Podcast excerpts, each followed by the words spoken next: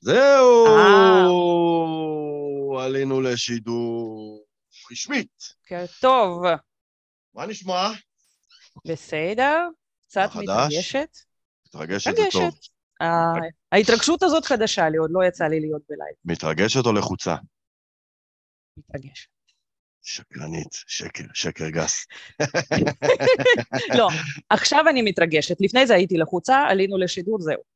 אני כבר זהו, פה, אה, זה הפתרון, אז אני אה? יכולה רק להתרגש. לכל לא הלחוצים, יעזור לי. לכל הלחוצים, ברגע שאתם מתחילים את הפעולה שמלחיצה, זה הופך להתרגשות. בדיוק. אני שקר- הופכת אותה להתרגשות. אני שקר-. שקר גס. לא נכון. זה- לא יצחק. טוב, אז. אה, רבותיי, ברוכים הבאים לעונה השלישית של הפודקאוט שלנו, הכל הקואוצ'ר. רבותיי וגבירותיי, אני מבקש לא להפריע לי באמצע הפתיח, בסדר? רבותיי וגבירותיי, אה, ברוכים הבאים לעונה השלישית של הפודקאסט שלנו, הכל הקואוצ'ר, הפודקאסט עם כל מה שמאמן צריך. בתוכנית אנחנו הולכים לדבר על אימון, על אתיקה, על ניהול עסק, על mindset, ופה ושם גם על האיזון הכל כך חשוב שבין העסק לחיים. בכל תוכנית הפורמט יהיה בדיוק אותו הדבר. נציג את הנושא, נדבר על ההתנגדויות, המחסומים, הבעיות, האתגרים, במקרה של היום נדבר על הגורמים, נציג פתרונות פרקטיים ותכלסים ונסכם באיזו הברקה, היום יהיו שתי הברקות שיעיפו לכם את הראש בשאיפה. אז פרגנו לנו בלייקים ובלבבות, כי היום אני ורייזי בישלנו לכם פרק מקצועי בנושא שחיקה. אבל רגע לפני שמתחילים, קצת אבדה איכותי. מה נשמע, רייזי? הכל טוב, תודה. מה שלומך? מצוין. קודם כל אני אספר לכולם שהמזגן שלך הפסיק לעבוד. יומיים, יומיים אנחנו בלי מזגן. שזה לכשעצמו גורם לשחיקה. נכון? סיוט, אני לא יודע, עוד באוגוסט. למרות שזה התאריך, כן. ש... זה התקופה שמזגנים מתקלקלים, בואי. נכון, בגלל זה אין איש מזגן שיכול לבוא. נכון, זה כאילו, הטכנאי מזגנים זה התקופה הכי טובה שלהם בשנה, אבל אני תמיד אומר, אפרופו שחיקה, להיות טכנאי מזגנים זה העבודה הכי קשה שיש. את יודעת למה? כי אין להם חופש בקיץ. יש לי חברה שבעלה איש מזגנים, היא אומרת, לא אנחנו הסיבה. בחיים לא יצאנו לחופש בקיץ. זה לא מה? הסיבה. זה גם הסיבה, מה? אבל זה לא הסיבה. מה? לטכנאי מזגנים אין מזגן בעבודה. אה, וואי, אה. וואי, וואי, זה נכון. לא חשבת על זה. סנדלר יחף, לא חשבתי על זה. אה, הוא לא, אין לו. ברירה, הוא הולך לתקן את המזגן, נכון, ואז איך שהמזגן נכון, חוזר לעבוד, נכון. הוא אומר תודה רבה להתראות. וואי, אתה צודק. איך הם לא נשחקים? הם בטוח נשחקים, אבל אה, אנחנו נבין למה הם ממשיכים לעבוד בזה היום. וואי, אה, מעניין, אני צריכה לתשאל את החבר הזה שלי. בבקשה. יש לי אה. טכנאי מזגנים קבוע, נמרוד, אני חולה עליו, נמרוד גואטה, פרסומת סמויה, אה, באולגה, מי שזקוק, באזור אולגה וחדרה. מת עליו, בחור זהב. אז אה, זה לגבי זה. אז טוב, אז רגע לפני שמתחילים, אה, אני רוצה ככה להציג ממש בקצרה על קצה המזלג את אה, רייזי שלנו, רייזי פטקין. אה, רייזי מאמנת בסטנדרט כבר אוטוטו שנה לדעתי. עוד מעט, כן, באוקטובר. אנחנו סוגרים שנה. אחרי שעשית לי את המוות בשלב הגיוס וההצטרפות, אבל לא ניכנס לזה. אה, רייזי אה, מתמחה בתחום השחיקה, יודעת טונות של ידע ו- ו- ו- וחומר בנושא הזה, אה, ומה שיותר חשוב בעניין הזה זה שרייזי היא שחוקה בעצמה, שחוקה בדימוס, יש לומר. כן, כן. מצאתי את הפתרונות, גם לעצמי. קודם כל חיפשתי אותם לעצמי, ואז הוצאתי את זה החוצה. אז זאת הסיבה שבאמת אה, אנחנו עושים את הפרק הזה איתך, אנחנו עושים איתך, אני ואת עושים איתך, ואנחנו הולכים אה, ללמוד הרבה דברים על ההתמודדות הזאת עם המתאמנים שלנו. אני פספסתי משהו בהצגה העצמית? כן. שלה? מה? כן, מה, מה כן. פספסתי? מה הסיבה שאני שחוקה? אני מעל 20 שנה, אני רנטגנאית, אני מעל 20 שנה עובדת בבית חולים, שמקצועות הרפואה הם נחשבים בטופ של השחיקה. וכן, יותר מטכנאי מזגנים? כן, כן. קודם כל, זה, קודם כל זה מקצועות הרפואה והטיפול, אחריהם באים מקצועות ההוראה, אחריהם נדמה לי בהייטק, אבל אה, כל מי שמטפל נותן שירות, הוא נשחק הכי מהר ובצורה הכי קשה. ומעל לא, 20 אה. שנה בבית חולים מדבר בעד עצמו. המשמרות הזויות, אני לא יודע מה המשמרת לא רק- הממוצעת של רנטגנאי, אבל רופא, אני יודע, עובד 25 שעות ביממה. כן, אנחנו, אנחנו פחות, אבל גם תלוי באיזה מקום, יש כל מיני סוגים בארץ, אבל אה, בואו לא ניכנס לזה. מה שכן, אה, זה לא רק עניין המשמרות, זה גם העבודה בלחץ, זה גם העבודה מול קהל, והוא לא תמיד קהל נחמד, זאת אומרת, אנשים שהם חולים. והיית כן. אז ב... זה, זה, זה קהל שקצת uh, צריך לדעת לטפל בו, ותחת כן.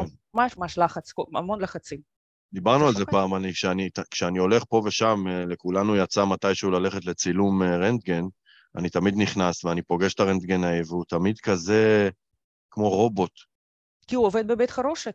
בדיוק, לך תעשה את זה, תעמוד שם, זה, זה, שים עליך את הסינר הזה, שים עליך אותו, לך, תחזור, זה, זה, להתראות, זה. מה, מה, מה עם הצילום, הכל בסדר, רופא יגיד לך להתראות. זה נכון. מונוטוני כזה, אפילו לו טון בדיבור.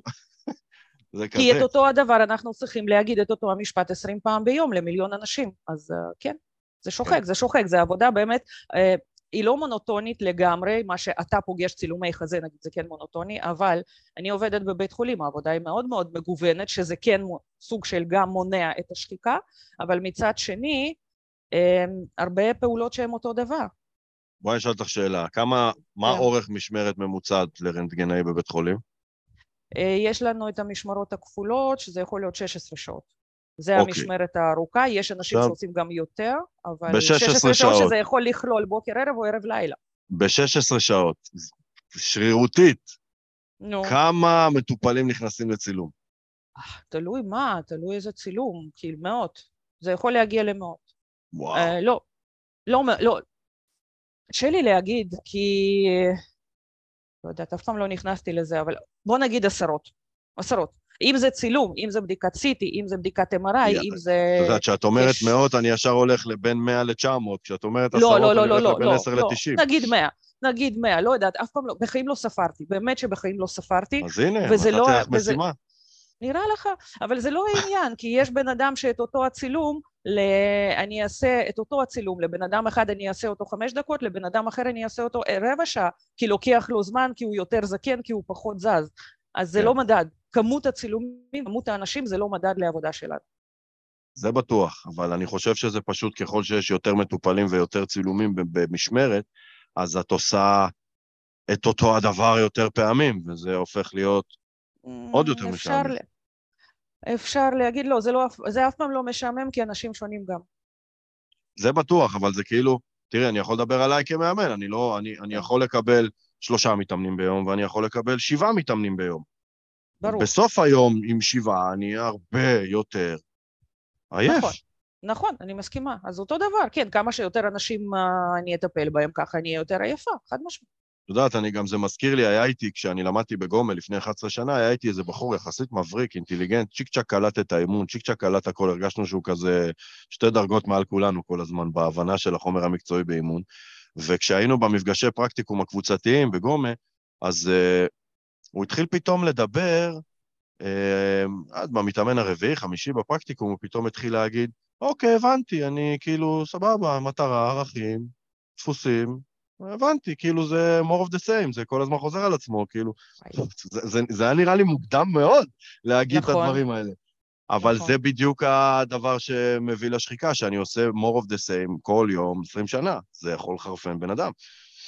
אז זה מה, שגורה, זה מה שקורה לאנשים בעבודה, ואם אנחנו נחזור עכשיו, אנחנו נחזור עכשיו לשחיקה, אז uh, כשמדובר על שחיקה בעבודה, או אותה שחיקה גם בזוגיות, אותה שחיקה גם בהורות, כי כן. אנחנו בדרך כלל עושים די את אותם הדברים. כן. טוב, אז רגע, אז לפני שאנחנו צוללים כן. לחומר, רגע, תני לפתוח כפתור, סך בקשמין קצת, אה, אז אה, זה לגבי זה. בדרך כלל לא מספרים את זה, אבל כולם פותחים כפתור. אוקיי? אחרת יש שחיקה בטנית. בסדר? זה לגבי זה. הפופיק נשחק? טוב, אז מטרת הפרק שלנו היום, רייזי, היא אה, לעזור למאמנים שלנו שצופים בנו היום אה, לדעת איך לעבוד נכון עם מתאמנים שחווים שחיקה. אה, זה יכול לפגוש אותנו בשלל אה, אה, תהליכים, ולאו דווקא בתחום העבודה, דיברנו על זה שזה יכול לתפוס אותנו בזוגיות, זה יכול לתפוס אותנו באימון על הורות, על משפחה, על מאוד, זה הכי נפוץ כנראה בעבודה. לדעתי אין בן אדם שהוא לא שחוק במובן מסוים, כשהוא מגיע כמובן בדיוק. לגיל מסוים. אני לא מדברת על צעירים, אבל תמיד יהיה, תהיה איזושהי שחיקה במשהו. ומנגד, אנחנו לא תמיד, אה, אנחנו רוב הזמן לא מעלים בכלל את המילה שחיקה בתהליך אימוני ממוצע. אז אה, זה העניין, זה מין אה, מפלצת שקטה כזאת שנמצאת תמיד מאחורי הקלעים, ואנחנו לא בהכרח תמיד. זה פיל בחדר. פיל בחדר. פיל לא בחדר, לא אני קוראת לזה. היחס. מה זה הפיל בחדר הזה? שהשחיקה היא קיימת, אבל אף אחד לא מייחס לה חשיבות. כן. אף אחד לא... גם לא, לא אנחנו, גם כמאמנים. אחד... גם כמאמנים. אתה זוכר את, את המקרה הזה שאמרת, וואי, אני שחוק כמאמן? אז פתאום עשית לי איזו הברקה, כי... לא, זה היה לפני הרבה זמן, היה משהו באחד התגובות איפשהו. Uh, כתבת uh, על איזשהו פתרון, ואני כתבתי עוד כמה פתרונות, ואמרת, וואי, איך אני חשבתי, לא חשבתי על זה, אני שחוק כמאמן. וואי, אני לא זוכר. ואז אני פתאום, לרגע אני אמרתי לעצמי, יואו, איך מאמן יכול להיות שחוק בכלל? איך זה קורה? כאילו, זה, זה, ההפך של השחיקה, מה שדיברנו מקודם, זה ההתלהבות. אם אני לא מתלהבת כמאמנת, אז איך, איזו מאמנת אני? אז פתאום אמרתי, נכון. איך מאמן, שחוק, איך זה קורה? ואז הייתה לי באמת הברקה, מבחינה, כאילו, עשית כן. לי איזושהי הברקה. אני אגיד לך, כי גיליתי במרוצת הזמן שה... קודם כל 11 שנה בתחום, זה אחד, ושתיים, כשהתחלתי את דרכי כמאמן, הייתי מאמן מנטלי לספורטאים. בהתחלה נורא התלהבתי מזה, זה ספורט זה האהבה הראשונה שלי בחיים. אבל אז הגיע מתאמן ראשון, הגיע מתאמן שני, הגיע מתאמן 14, הגיע מתאמן 60, הגיע מתאמן מספר 90, וכבר התחלתי לראות שהמוטיבים והדפוסים המעכבים חוזרים על עצמם, ואני כבר יודע בהתחלה מה יהיה בסוף. כולם חושבים אותו דבר, מרגישים אותו דבר, וזה התחיל להיות לי נורא משעמם ולא מאתגר. ברמה...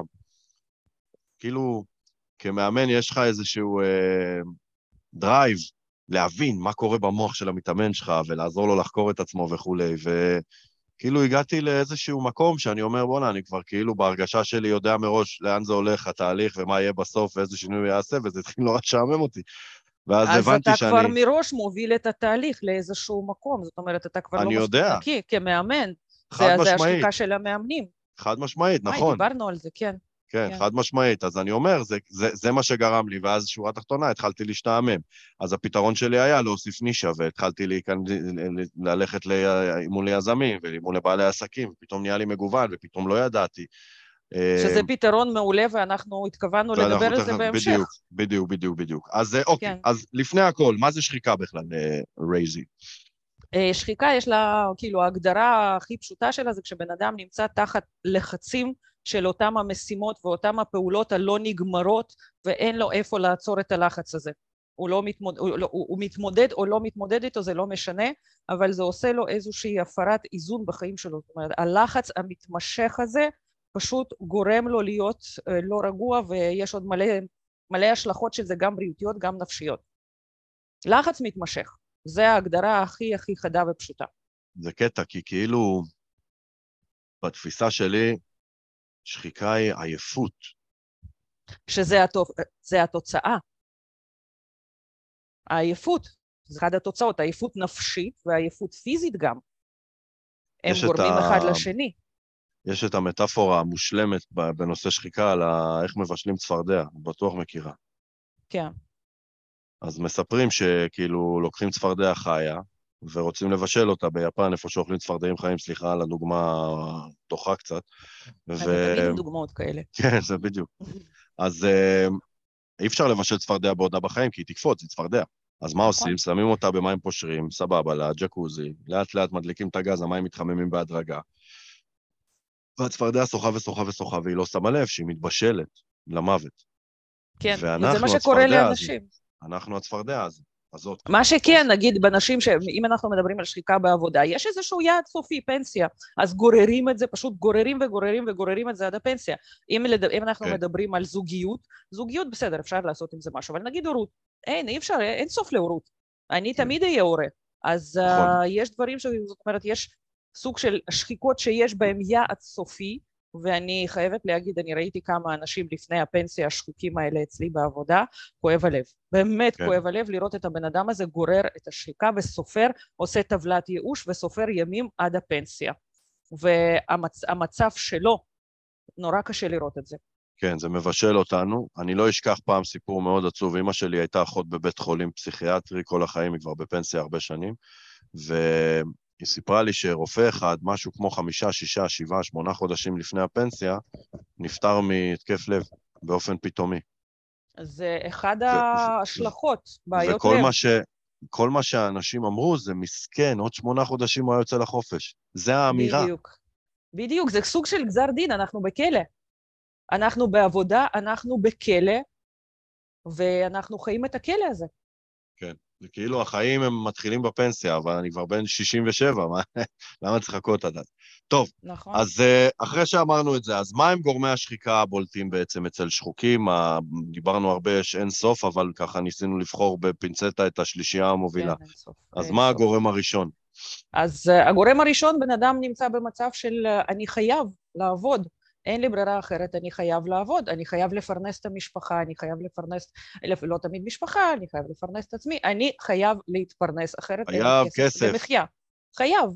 וברגע שיש חייב, ברור שתגיע השחיקה, כי אין פה שום, שום רצון, שום מוטיבציה. כן. מה עושים עם זה? שאנחנו מזהים מתאמן מדבר בצורה של אני חייב ואין ברירה? אז יש לנו כלי מדהים לזה להפוך את החייב לבלי. אה, למצוא את אותם המקומות, כמו שאמרתי, ההפך מהשחיקה זה התלהבות, אז למצוא את אותם המקומות בעבודה שאנחנו יכולים לבוא לשם ולבוא מתוך בלי, לחפש את ההתלהבות.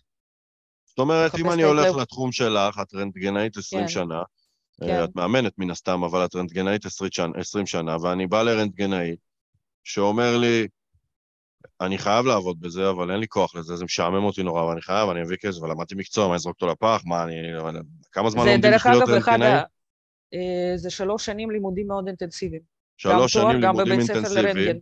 ובגלל שהם מאוד אינטנסיבי, את יודעת, אני מושקע עכשיו, אני לא יכול לעזוב את העבודה הזאת, אני חייב, אין ברירה, כסף, כבר התקדמתי, יש לי משכורת לא רעה, אה, ועכשיו אני בא אליו, ואני אומר לו, בוא נמצא דרך להפוך את הרנטגן לבלי.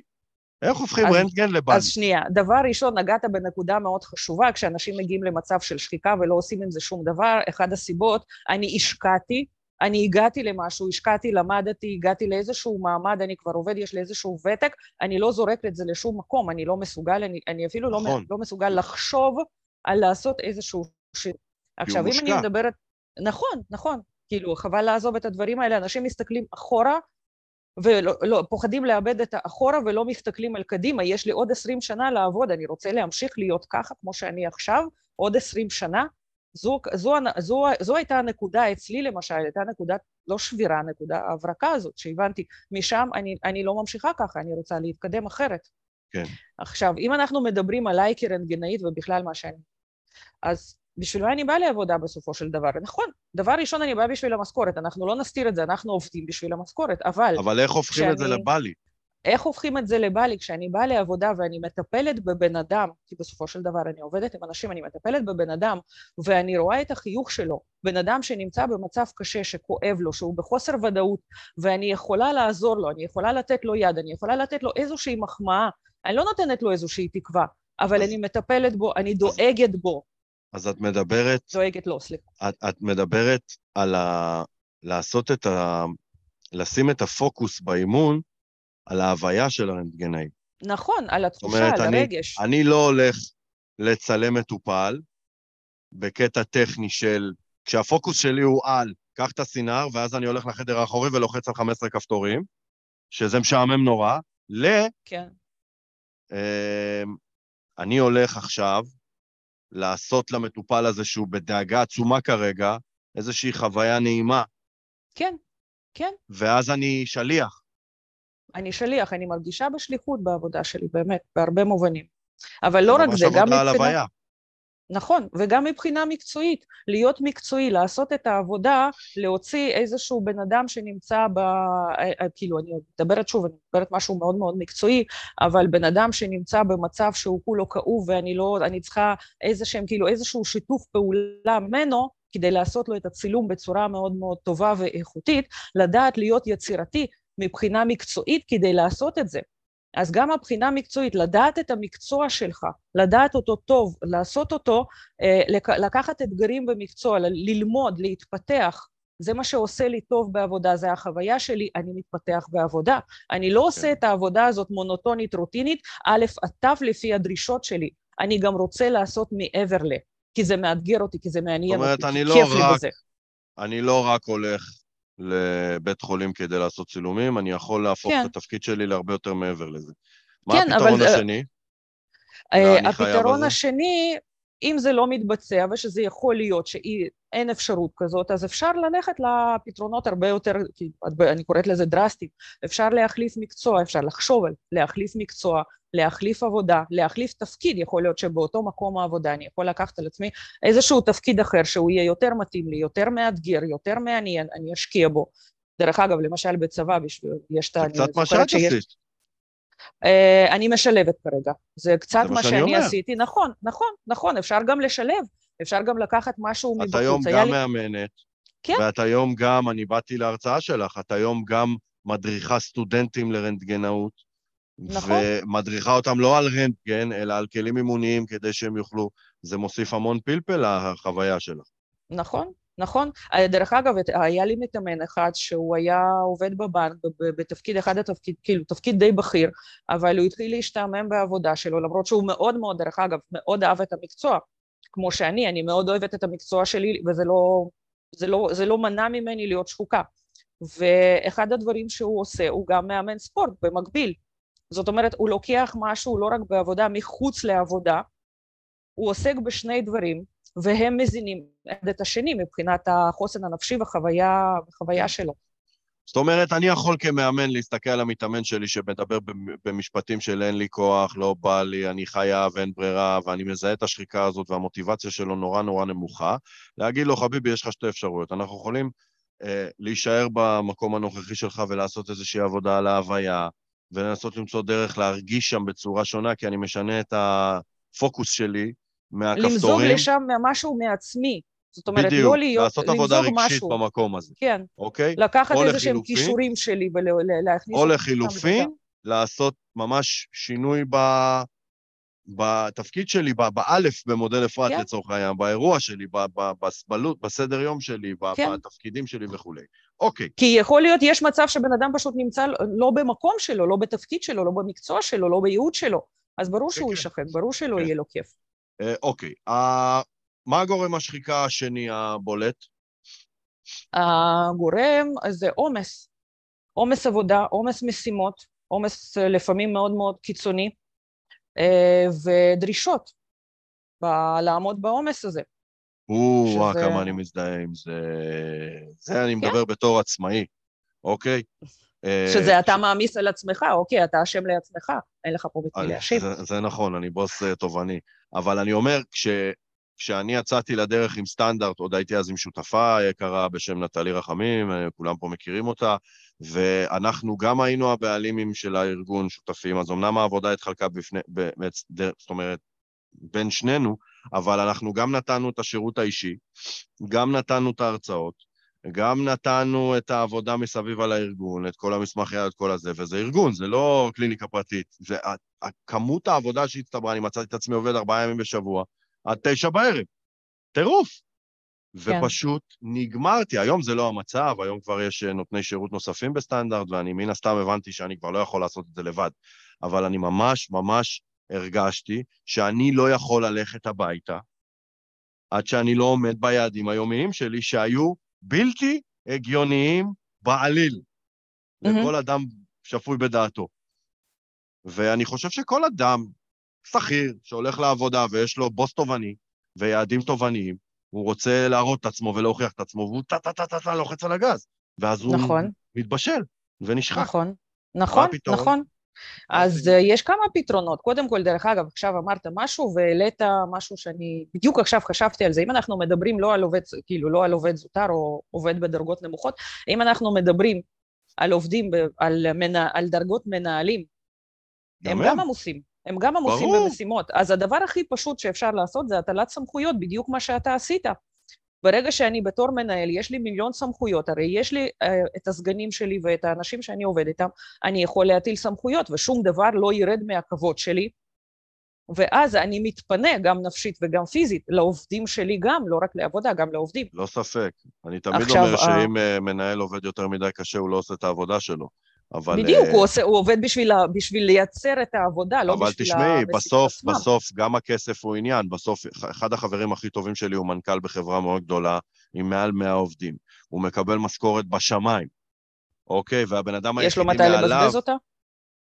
אה, זו שאלה מעניינת, אבל אני אומר, הדמות היחידית מעליו זה הבעל הבית, שלא נמצא שם יותר מדי, וכל המפתחות אצלו כמנכ"ל.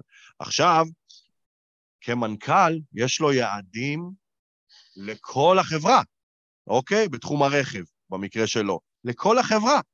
והוא יודע שאם העובדים לא יעשו עבודה טובה, והוא יודע שאם העובדים לא יעמדו ביעדים שלהם, זה יפגע בו בסופו של דבר, ואז הוא, את יודעת, בעל הבית לא פראייר, הוא משלם לו ארגז של כסף, אם כן. הוא לא יעשה את העבודה שלו ולא יעמוד ביעדים ולא יעשה, יעמוד באיזושהי גדילה אה, מאוד ברורה ברווחיות של החברה, הוא לא, הוא בחוץ.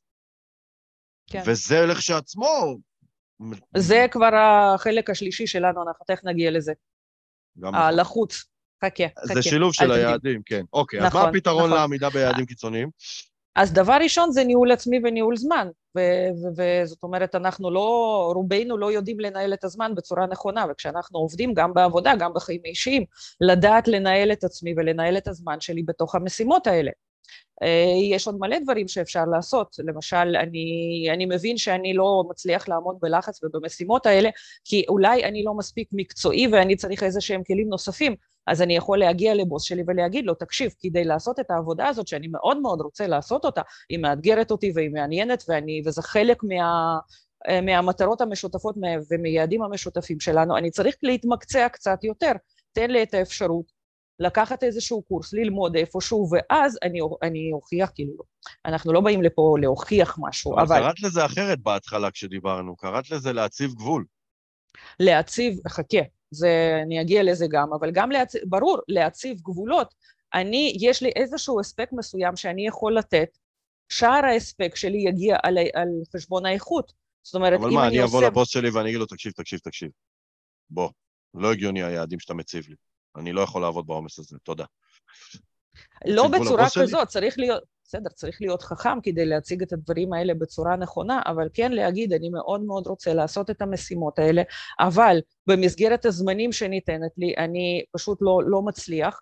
אני, אפשר לבקש עזרה גם, אפשר לבקש שיעזרו לי, שעוד מישהו ייקח על עצמו חלק מהמשימות, אבל לא בגלל שאני לא להציג את זה בצורה כאילו, אוקיי, אני לא מסוגל, אני לא יכול. אני יכול, אני רוצה להראות את המוטיבציה, או... אני מאוד רוצה לעשות זאת, את זה בצורה הכי טובה זאת, שאפשר. נקודה, תן לי את האפשרות הזאת. זאת נקודה סופר חשובה שאני רוצה להתעכב עליה, כי יש עיוות חשיבתי סביב המונח הצבת גבולות. אנשים חושבים שהצבת גבולות משמע די, חלאס, זה מפריע לי, זוז, שזה צריך לבוא לא, ב- לא. בסימן קריאה. ולבוא לבוס שלי, או לאשתי, ולהגיד לה, ממי, תקשיבי, זה נורא קשה לי, אני צריך עזרה, זה הצבת גבול גם. או ממי, קשה לי, תפסיקי כן. עם זה. זה הצבת גבול גם. את יכולה כן. להפסיק עם זה בבקשה? בצורת שאלה. לבוא לבוס ול... זאת אומרת, את, מה שאנחנו אומרים פה בעצם זה שלהציב גבול שווה לבקש עזרה. נכון, במקרה הספציפי הזה לגמרי.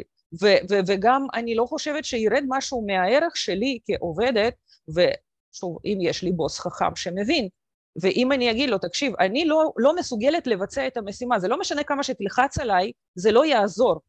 אני זקוקה לעזרה, ברגע שתוכל לעזור לי, אז אני אגיע לביצוע המשימה. אם אתה לא עוזר לי, אם אנחנו לא עושים את זה בשיתוף, זאת אומרת, לא באיום, אבל אם אנחנו לא עושים את זה בשיתוף פעולה, המשימה לא תתבצע.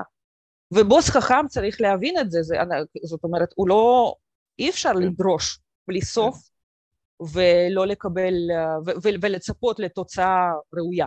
הוא ישחק אותו. כן, כן. לגמרי. אוקיי, מה הגורם השלישי הבולט והאחרון? מה שהזכרנו כבר, פחד שיפטרו אותי. אם אני לא אהיה מספיק טובה, אם אני לא אבצע את כל מה שדורשים ממני, אם אני לא... אם אני לא, אז יפטרו אותי כמובן, ושוב, זה מדבר, זה, זה, זה חוצה כל המסגרות, זה חוצה מגדר, זה חוצה רמות, זאת אומרת, זה יכול, אנחנו מדברים פה גם על העובדים הכי, ב, ב, עובדי ניקיון, נתחיל מהם, סליחה שאני לא, לא, אין לי שום כוונה לפגוע, יש לי המון הערכה לעובדי ניקיון, כי בסופו של דבר בלי עובדי ניקיון שום מקום עבודה לא יתקיים ולא יתנהל, אה, ולדרגים הבכירים, כל כן. אחד מפחד שיפטרו אותו. והפחד הזה גורם לנו לעשות, לנסות לעשות כל הזמן דברים מעבר, להוכיח את עצמנו. ברגע שאנחנו עובדים בשביל להוכיח את עצמנו, אין לנו מוטיבציה. זה לא, זה בחייו, זה לא בבא לי. אז פשוט אומרים למתאמן, אל תפחד, מה לך מה לפחד? זה לא עובד. אי אפשר להגיד לבן אדם, אל תפחד, והוא יפסיק לפחד. בפחד צריך לטפל. הומור, איזי, הומור, הומור, הומור, אבל... הומור, הומור, זה פתרון לשחיקה. אני, רגע, אמרנו שאני מתרגשת? לא קלטת, סליחה. לא, כי אני הייתי בשלי, אני, כשאני מדברת אני לא מקשיבה. זה בעיה. כשאני מדברת אני לא מקשיבה. זה שיח, אנחנו פה בשיח. נכון. אני מדבר, את עונה, את מדברת, אני עונה. אז, אז אי אפשר, אי אפשר להגיד לבן אדם, אל תפחד. צריך כן. לתת לו איזה שהם כלים כדי שהוא יפסיק לפחד. עכשיו, הכלי שיש... מה עושים עם מי שיש לו פחד לאיבוד עבודה? אז יש כלי אימוני הכי טוב לדבר הזה, לדעתי, אנחנו דיברנו על זה וזה כלי מצוין. אז מה יקרה? אנחנו פשוט שואלים את הבן אדם, אוקיי, אז יפטרו אותך, מה יקרה? וממשיכים לשאול את השאלה הזאת עד שהוא מגיע לאיזושהי תובנה, כי בסופו של דבר הם כן יגיעו לתובנה. מה יקרה אם יפטרו אותך? מה יקרה? אתה תאבד עבודה, אתה תאבד משכורת, ותמיד יש את האפשרות הזאת של דלת נסגרת, דלת נפתחת, אבל מה יקרה אם יפטרו אותך? ממה אתה באמת מפחד? אומרת, זה סוג של אה, להקטין את גודל המפלצת הזאת שקוראים לה פיטורים. לגמרי, לגמרי, לגמרי. כי אם אני יודע שאם יפטרו אותי, ודרך אגב, יש הרבה אנשים שהם סוג של מזמנים את הפיטורים שלהם, כן. בתת מודע אפילו. הם מחכים שיפטרו להם. כן. יפטרו אותם. ואז קוראים לזה אה, התפוטרתי. התפוטרתי. מכירה את זה? כן, התפטרתי. כאילו לא כן. סובל את העבודה, נכון. אבל אה, לא, לא נכון. מסוגל להתפטר, אז הוא נכון, עובד נכון, גרוע וגם... בלי, בלי לשים לב, ומפטרים כן, אותו. כן, וגם הוא לא יקבל את הפיצויים אם הוא יתפ... יתפטר בעצמו. נכון. אם מפטרים אה, לא בכל אותו. מקום, אבל כן. לא בכל מקום, נכון, אבל יש כן. מלא מקומות כאלה. אז קודם כל, כן, להקטין את המפלצת הזאת. מי, בסוף לא זה. מגיע למה יקרה אם יפטרו אותי, אז uh, לא יהיה לי כסף. מה יקרה, אז יהיה לי מינוס. מה יקרה אם יהיה לך מינוס? פה מתחילים גם גם. אז אני אלך לעבוד, אז אני אלך לקדם את עצמי, אז אני אעשה משהו. כן. אוקיי, ומה הפתרון השני אחרי שהצלחנו לצמצם את ה... להקטין את המפלצת הזאת? אז הפתרון השני זה להפריד בין ערך עצמי אה, לבין עמידה ביעדים. זאת אומרת, אני נמצא בעבודה הזאת לא רק כעובד, אני נמצא בעבודה הזאת גם כבן אדם. שזה העבודה ואני... הכי משמעותית שאפשר לעשות בתהליך. נכון. העבודה כי... על הערך העצמי. כי רובנו, רובנו עובדים עם עוד אנשים. רובנו נמצאים באיזושהי סביבה של אנשים. והערך עצמי, מה הערך עצמי שאני מביא לעבודה? מה הערך עצמי שאני מביא לאותם האנשים? כי לפעמים אנחנו יודעים שיש אנשים שהם לא בדיוק מבריקים בעבודה, אבל כן אוהבים אותם, הם כן טובים וכן מחזיקים אותם בעבודה, כי הם מביאים משהו מעצמם, הם יודעים לגבש את כל האנשים, הם יודעים לבוא בבוקר ולעשות שמח, ולהביא אולי לפעמים איזו עוגייה, או לעשות איזה משהו, ואותם האנשים מעריכים אותם לפעמים הרבה יותר ממה שמעריכים את העובדים הכי הכי הכי הטובים, אבל הכי יבשים שיש. אני חושב ש... תוך כדי שאת מדברת, שכאילו, כי, כי אני מקשיב לך, לא כמוך, בסדר? לא, אבל אני ראיתי בעיניים שלך שאתה פתאום, אתה מתחיל לחשוב, כשתוך כדי שאני מדברת, מה אה, זה רואים את זה עליך? אתה מתחיל לחשוב. אני מצליח. רק בגלל שאת מכירה אותי כבר ממש טוב. אבל ברמת העיקרון, אני חושב, תוך כדי, תוך כדי שדיברת, אני ממש חושב שצריך לעשות פרק בפני עצמו על הנושא הזה של ערך עצמי, כי הוא כל כך, כל כך, כל כך חשוב. ערך עצמי בעבודה או בשחיקה? ערך עצמי בכל מקום, הערך העצמי כן. שלי. זה, כי, כי אני, אני חושב ש... זה הבסיס. אני חושב שאנחנו מודדים את עצמנו, או יותר נכון, נותנים לעצמנו שווי שמבוסס על התוצאות שלנו בחיים, ועל uh, האם אני גבר יותר כי אני מביא 50 אלף שקל הביתה לחודש, וגבר פחות כי אני מביא 5,000 שקל הביתה לחודש. האם הערך העצמי שלי... בדיוק. כן. אם יש לי יאכטה, אז אני שווה יותר. ומי ו... קובע מה ההישג? ובדיוק, אז עכשיו, אם יש לי יאכטה, וזה מעצים את הערך העצמי שלי, אני מרגיש טוב, בלה בלה בלה, אבל בתכלס, אם זה מה שנותן לי את התחושה הטובה, אז הערך העצמי שלי מאוד נמוך, כי אני זקוק ליאכטה הזאת בשביל שאני נכון. ארגיש בעל ערך. ואם אין לי את היאכטה הזאת, אז אני מרגיש כלומניק ואפס, ולא שווה כלום ולא יוצלח, אז זה פשוט יוצא החוצה ואפשר לדבר על זה. אבל בתכלס, הגבריות שלי, הנשיות שלך, הערך העצמי שלנו, לא אמור להיות מבוסס על מה אני לובש, על כמה יש לי בבנק, ועל אם עמדתי או לא עמדתי ביעדים שלי, אלא, אלא על הערכים שלי, על הבן אדם על שאני, על האיכות שלי, כן. על הסגולות שלי, אמ, על היכולת שלי להקשיב כשמדברים איתי. ומי אוכל. אני ומה אני, גם, גם מה. אני מביא לסביבה שלי, תעקוץ, אין שום בעיה, בכיף. אבל גם מה אני, לא רק מה, מה, מה הערכים, גם מה אני מביא לסביבה. לדעתי, מה הטוב שאני עושה לעולם, זה אחד הדברים הכי חשובים, שבזה נמדד הבן אדם. יודעת מה, מה אני הטוב חושב שאני מוציא שיש... כלפי החוץ. אני חושב, אה, אני, אני חושב בצורה מאוד מתיימרת עכשיו, אבל יש מצב טוב. אני לא יודע איפה רנטגנאי מרגיש מבחינת ה... יוקרת המקצוע שלו ב... בתחתית, ב... ב... בשרשרת המזון של המקצועות בתחתית, בתחתית, בישראל. לצערי. אז הוא הולך לעבודה, הוא שם את הבגדי בית חולים שלו, מסתכל במראה שהוא יורד במעלית, או עולה במעלית, ואיך הוא מרגיש כלפי, כאילו מבחינת הערך שלו, מה, זה מה שאני, מכירה את השיחות הפנימיות האלה?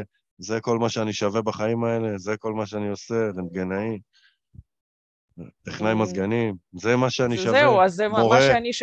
מה שאני שווה ומה שאני עושה, אני עושה כל כך הרבה, אני חלק מטיפול, חלק. מתהליך ריפוי של בן אדם, שזה, כאילו, אם אני מדברת ספציפית על רנטגנאים, הרפואה מתבססת על הדמיה. לא רק רנטגן, זה גם MRI, זה גם CT, זה גם עוד הרבה תחומים, רפואה מתבססת על זה. אף רופא לא יודע עכשיו לאבחן שום דבר רק מבחינה קלינית, רק מהסתכלות על בן אדם, הוא צריך גם בדיקות מעבדה, הוא צריך גם בדיקות כאלה וכאלה. אז כן. אני חלק ממשהו מאוד מאוד גדול וחשוב. חלק, אבל בלי החלק הזה, הגדול החשוב הזה לא יתקיים.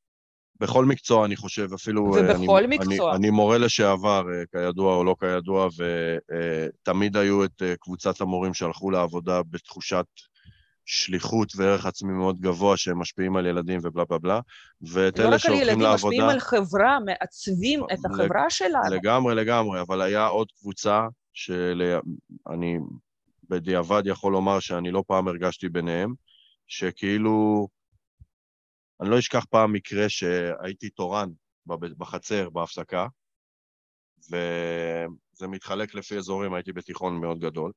ובצד שמעתי איזשהו אה, ילד עושה בלאגן, והתורנית שם הלכה וכאילו נזפה בו וכעסה עליו, ולמה אתה עושה את זה, ותפסיק לעשות את זה, תיכון. ואז הוא ענה לה, יאללה, כולה מורה. דפק לה את המשפט הזה. ואת יודעת, אני לא יודע איך היא הרגישה. אני זה נורא. התכווצתי, התכווצתי. כן. כי אני חושב שעמוק בפנים, ברמת הערך העצמי שלי, הסכמתי איתו ברגע הזה. וזאת הייתה הבעיה, כן. שזה היה דפוס התפיסה. החשיבה שלי ברגע הזה, והערך העצמי שלי היה מאוד נמוך בשלב ההוא. ו... וזה חייב להיות פרק, זה פשוט חייב, זה נושא סופר חשוב, זה תופס את כולנו. טוב, נחזור. לסיום, מה שנקרא, לקראת סיום.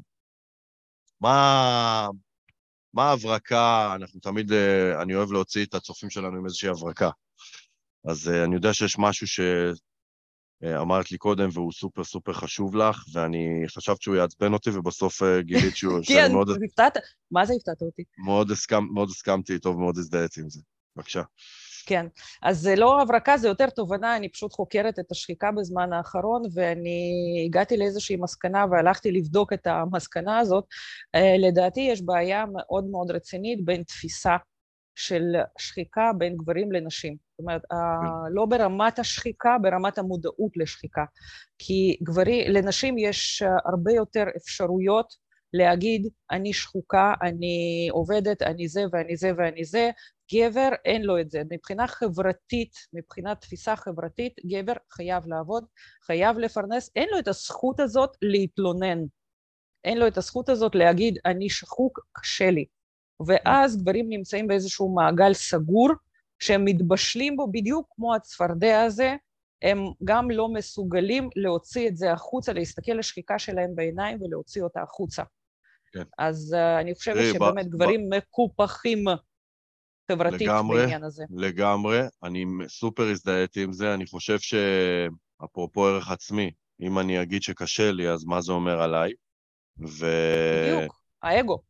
בדיוק, ואני חושב שעוד מימי קדם יש אה, מחסום אה, ברמת התורה. דיברנו על זה קודם. רשום. "בז- בזיעה תביא לחם ובצער תלווי בנים, אבל איזה קטע, כבר נשים עם אפידורל כבר לא כואב נכון. להם. נשים עם אפדורל וסביבת נשים. ופתרו את ו- הבצער, בדיוק, אבל וגברים את אין ה... לנו אפידורל לזיעה עם הלחם, ואנחנו עדיין אחר אוכלים זיעה עם הלחם. ו... נכון, לא, יש אפדורל, רגע, דיברנו על זה גם, יש אפדורל, מתפתח עכשיו בארץ, אני לא יודעת איך בעולם, לא בדקתי את זה, אבל בארץ מתפתחים מעגלי נשים בדיוק כמו ש... מעגלי גברים, סליחה. בדיוק כמו שיש מעגלי נשים מתפתחים, ואני דיברתי עם כמה בואי, מה... בואי, בואי, בואי, רגע, בואי נשים את הדברים זה על השולחן. זה עולה. אם אני... זה יכול לעלות. כמה שאת רוצה, זה לא למודעות אפידורל. גם. תקשיבי, זה לא אפידורל. אפידורל זה כואב לי, אני מתה, דקה אחרי זה, זהו. לא מעגל נשים, לא בלבולי שכל, אני לא, לא שם... בדיוק, לא בדיוק. אני לא שם עשר נשים יולדות בצירים במעגל, מדברות על זה ומפסיק לכאוב. אני נותן לך זריקה, fuck, לא כואב. כן, אבל עבודה וזיעה, בעבודה, איך שאנחנו מכנים את זה, זה לא משהו שהוא כאב פיזי, זה יותר כאב נפשי. ואז נכון. יש את המעגלי גברים ויש להם את האפשרות לפרוק את הכאב הזה, יש מקום שהם יכולים לבוא ולדבר. ו- אז, ולא אה, להרגיש שם חלשים כמו שהם יכולים להרגיש חלשים מול חברה. ובכל זאת, המעגלים האלה של הגברים לא סתם אה, משמעותית, יש פחות לעומת מעגלי נשים, כי אני חושב, כי זה עוד לא התפתח, ש- זה, לא. זה מתפתח, זה הולך להתפתח. בחברה, ב- בחברה שלנו, ופה אני, שוב, הסכמתי איתך, אמ, כשגבר הולך להתלונן, הוא מפונק. הוא מפונק. בדיוק, אין לו זכות, כשאישה הולכת להתלונן, זה לגיטימי. נכון? והיא תקבל מלא מלא תפיסה- תמיכה חברתית. זאת בדיוק, וזו תפיסה מעוותת שיש לשנותה, אוקיי? זה לגיטימי לגבר באותה מידה, ואולי במ- במישור הזה, אם מישהו מהמאמנים שיצפו בנו, יאזינו בנו, לנו בספוטיפיי, חושב על ללכת לכיוון הזה של אה, התמחות בנישה של שחיקה, שיווקית, אולי מומלץ לו לפנות לקהל של גברים, כי אנחנו חווים את זה הרבה הרבה הרבה יותר, ובאמת, וזה מה שאני שחיקה, מתכוונת לעשות, זה מה שאני הולכת לעשות. אני כן רוצה לפנות יותר לגברים. אז כשאני חוויתי שהם- שחיקה, אני באמת הרגשתי את זה, שכאילו, מה אני אדבר עם אשתי? מה היא תגיד לי? מה, מה היא תגיד לי? היא סומכת עליי, אני איתי. הסלע. דבר אני- איתי. אני אמור להיות הסלע, הסלע לא יכול לראות שהוא מתפורר. אה, כאילו, זה רק יערער לה את היציבות והביטחון שאני אמור להעניק לה. אז עם מי אני אדבר? עם אבא שלי? אה, דבר איתי בתור המאמנת, כן, חד משמעית, אבל כשחוויתי שחיקה עוד לא היית בסטנדרט. אז עם מי אני אני פה. אדבר? עכשיו אני ברוך השם אחרי, אני מצאתי פתרונות. כן, אבל, כן, אבל אה, אתה, דיברנו, אתה, זה יוצא דופן, רוב הגברים לא נמצאים במקום הזה, לא, לא, לא במודעות ולא בכלל, כן, לא מעלים על הדעת, וזה מאוד, אה, לדעתי זה מאוד כואב. בסוף מצאתי עם מי לדבר, כן, אבל כשאין עם מי לדבר זה נורא, זה נורא. לסיום, זה אני יש רוצה בכלל את להגיד... אותנו מאמנים, כן. אתה רצית זה- להפיל איזו פצצה גם. זהו, אה, אני, אני פחות אוהב את המילה פצצה, אני אוהב את המילה אה, הירושימה, סתם, סתם. אני אוהב אה, הברקה. אני, ההברקה שלי בסך הכל, בתור שחוק לשעבר, לספר מה, מה הייתה התרופה הטובה ביותר שלי. והתרופה הייתה, התרופה שלי הייתה המשפחה שלי, ואני אסביר למה. בתור שחוק, בתור מי שהקים ארגון בעשר אצבעות, בעשרים אצבעות, יותר נכון, עם שותפתי, מצאתי את עצמי עובד מסביב לשעון, ואז המחיר הכבד ביותר ששילמתי הוא לא השחיקה, אלא העובדה שאני מגיע הביתה אחרי שהילדים הולכים לישון, והזוגיות שלי הלכה ופוררה, מטבע הדברים, אני לא הייתי נוכח בבית בכלל, וכשהייתי מגיע הביתה בשעה סבירה, או אפילו ביום שבת, אז uh, אני לא הייתי, הייתי פיזית שם, אבל בראש, מה אני צריך לעשות מחר? מה אני צריך לעשות מחר? מה אני צריך לעשות מחר? הבינג שלי היה נורא ואיום. והיום זה התחיל מלוז קפדני מאוד שלי, שאני יודע בדיוק מתי אני במשרד ומתי אני בבית, ואני עושה היום ספורט. הפרדה וגבולות. מאוד ברורה. אני עושה היום ספורט, שזה שלוש פעמים בשבוע ממש עושה לי טוב על הלב, ובלי שום קשר, ופה ההברקה, כשאני בבית, אני בבית מנטלית. וזה הפך להיות התרופה שלי לשחיקה, ולא שום דבר שונה שעשיתי בעבודה עצמה. יש לי עדיין יעדים תובעניים, ויש לי עדיין אלף משימות, ואני עדיין לא עומד בקצב עם כל הנותני שירותים בסטנדרט, וזה בסדר. אבל כשאני בבית, אני, זה כאילו, אני רעב, אין לי אנרגיה, אני אוכל המבורגר, יש לי אנרגיה. אני שחוק, אין לי אנרגיה, אני הולך לשחק עם הילדים. יש לי אנרגיה. זה מה שמכריע אותי, הנוכחות שלי בבית. אני יכול לעשות, לפני כמה, שבוע, שבועיים, עשיתי ספורט בבית. פתאום באמצע האימון, נכנסו לי מחשבות על, איזושהן, על איזושהי שיחה פחות נעימה שהייתה לי עם מאמנת, אוקיי? שהיא קצת הטרידה אותי, השיחה, אוקיי? וקלטתי פתאום את זה, ואמרתי, רגע, רגע, אתה באימון עכשיו. אתה באימון. מה אתה עושה? כאילו, תחזור, ל... תחזור לחוויה למפרקים. שלך? תחזור לשרירים, תחזור כן. ללב, תחזור לגוף. תהיה שנייה אה, מורה לספורט, אנא ערף, כאילו, ואז... כן. אה, עם אה, אה, ופאק! אם אני חוזר להגדרה שלך, למה זה שחיקה, והתשובה היא לחץ מתמשך, להמשיך לחשוב, ולו, בטורדנות, זו מחשבה שהיא זה מטרידה, טורדנות, זה לגמרי טורדני. על. על השיח המרגיז הזה, מה הוא יתרום לי חוץ מלשחוק אותי? אני עכשיו עושה ספורט. נכון. אני עכשיו עושה קיצי לבת שלי בלילה. אני עכשיו קורא סיפור. אני עכשיו שותה קפה עם מיתר אשתי. מה קשור לחשוב על היעד שלי שיגיע מחר? זה, זה נוכחות של כאן ועכשיו. בול, זה היה התרופה הכי טובה שלי. והפוך, כשאני בעבודה, אני לא חושב על אשתי. אני לא חושב עכשיו על הילדים. מה, מה לעשות? זה לגיטימי, תני לי את שלא הלגיטימציה. תשמע ולא... כן. אה, אבל גם היא כזאת, ידעת, אנחנו מדברים אחד עם השני במהלך היום, אני בעבודה, אני בעבודה, ביי ביי. אוקיי, אנחנו עושים הפרדה ברורה בנוכחות שלנו. אוקיי, כן. להוציא מקרים קיצוניים, הילד חולה וזה צריך לברוח. לא, זה בסדר, אבל אם אני, אם אני עוסקת במשהו, אני עוסקת במשהו במאה אחוז. אני לא מתפזרת לדברים אחרים תוך כדי. נכון, אבל אם, הש... אם ה... ה... ה... היעדים התובעניים היה בשבילי הדבר, אוקיי? לא פחדתי שיפטרו אותי כי אני הבוס, ואני חייב, אין ברירה, אולי קצת העסיק אותי, אבל העיקר היה היעדים, אני חייב לעמוד ביעדים שלי, והם... והם כן, אבל פסיכיים. פה הייתה לך גם מוטיבציה מאוד מאוד גבוהה. אם אני שכירה, לא תהיה לי את המוטיבציה הזאת כמו שהייתה לך. ובכל זאת נשחקתי. ובכל ברור. זאת נשחקתי. לא נשחקתי כן. כי משעמם לי כי אני עושה משהו שאני לא רוצה. נשחקתי כי אני אובר אובססיבי לדבר. ואז כן. זה, אה, התרופה שלי הייתה, הלו, הלו, תעצור. אתה, יש לך עוד תחומים בגלגל החיים. מה קורה לך? וואי, גלגל החיים, טוב שהזכרת אותו. כי מזה מתחיל הכל. זה הסיפור. כי, כי שחיקה נגררת מבחוץ לב, לבית, מעבודה, ו- וכל התחומים האלה יודעת מה? משתלבים ונגררים. המילה החשובה ביותר במקרה שלי הייתה איזון. אני יודע איזון. בדיוק מה שעות העבודה שלי, וכשאני, ויש לי עוד מטרות בחיים חוץ מסטנדרט, קוראים לזה אה, אב, מטרות בתחום האבהות, מטרות בתחום הנישואים, מטרות בתחום החברים, שזה עוד פלח שהזנחתי לחלוטין כשהייתי ברבאק של הקמת העסק. מה זה, חברים שלי שולחים לי הודעה, בואי, יוצאים לבר, זה, אין לי זמן. אוקיי, ועוד תוסיפי לזה שתי תינוקות פצפונים בבית, זה בכלל היה- הקשה עליי, הכל שחק לי את החיים. היום אני אומר תודה שהילד שלי יכול לעשות פיפי לבד, אוקיי? אבל כאילו כל דבר דרש ממני מאמץ, זה היה לי מאוד מאוד קשה. ו... והתרופה שלי באמת הייתה הנוכחות, ולא ההתעסקות במה אני צריך לעשות מחר ובמה אני צריך להספיק, להספיק, להספיק, להספיק, להספיק. כן, אז זה ההברקה שלי, ונוכחות זה משהו שהוא סופר חשוב בתהליך אימוני. זה מתחבר להוויה שלי גם ברנטגן, איפה הנוכחות שלי? בכפתור, עוד פעם צריך ללחוץ על הכפתור, עוד פעם כפתור. או ש... כן, אבל דרך אגב, בהגדרה של השחיקה יש את המונח הזה, הפרת איזון. בדיוק לגמרי, דיברת על לגמרי, איזון. לגמרי. כן.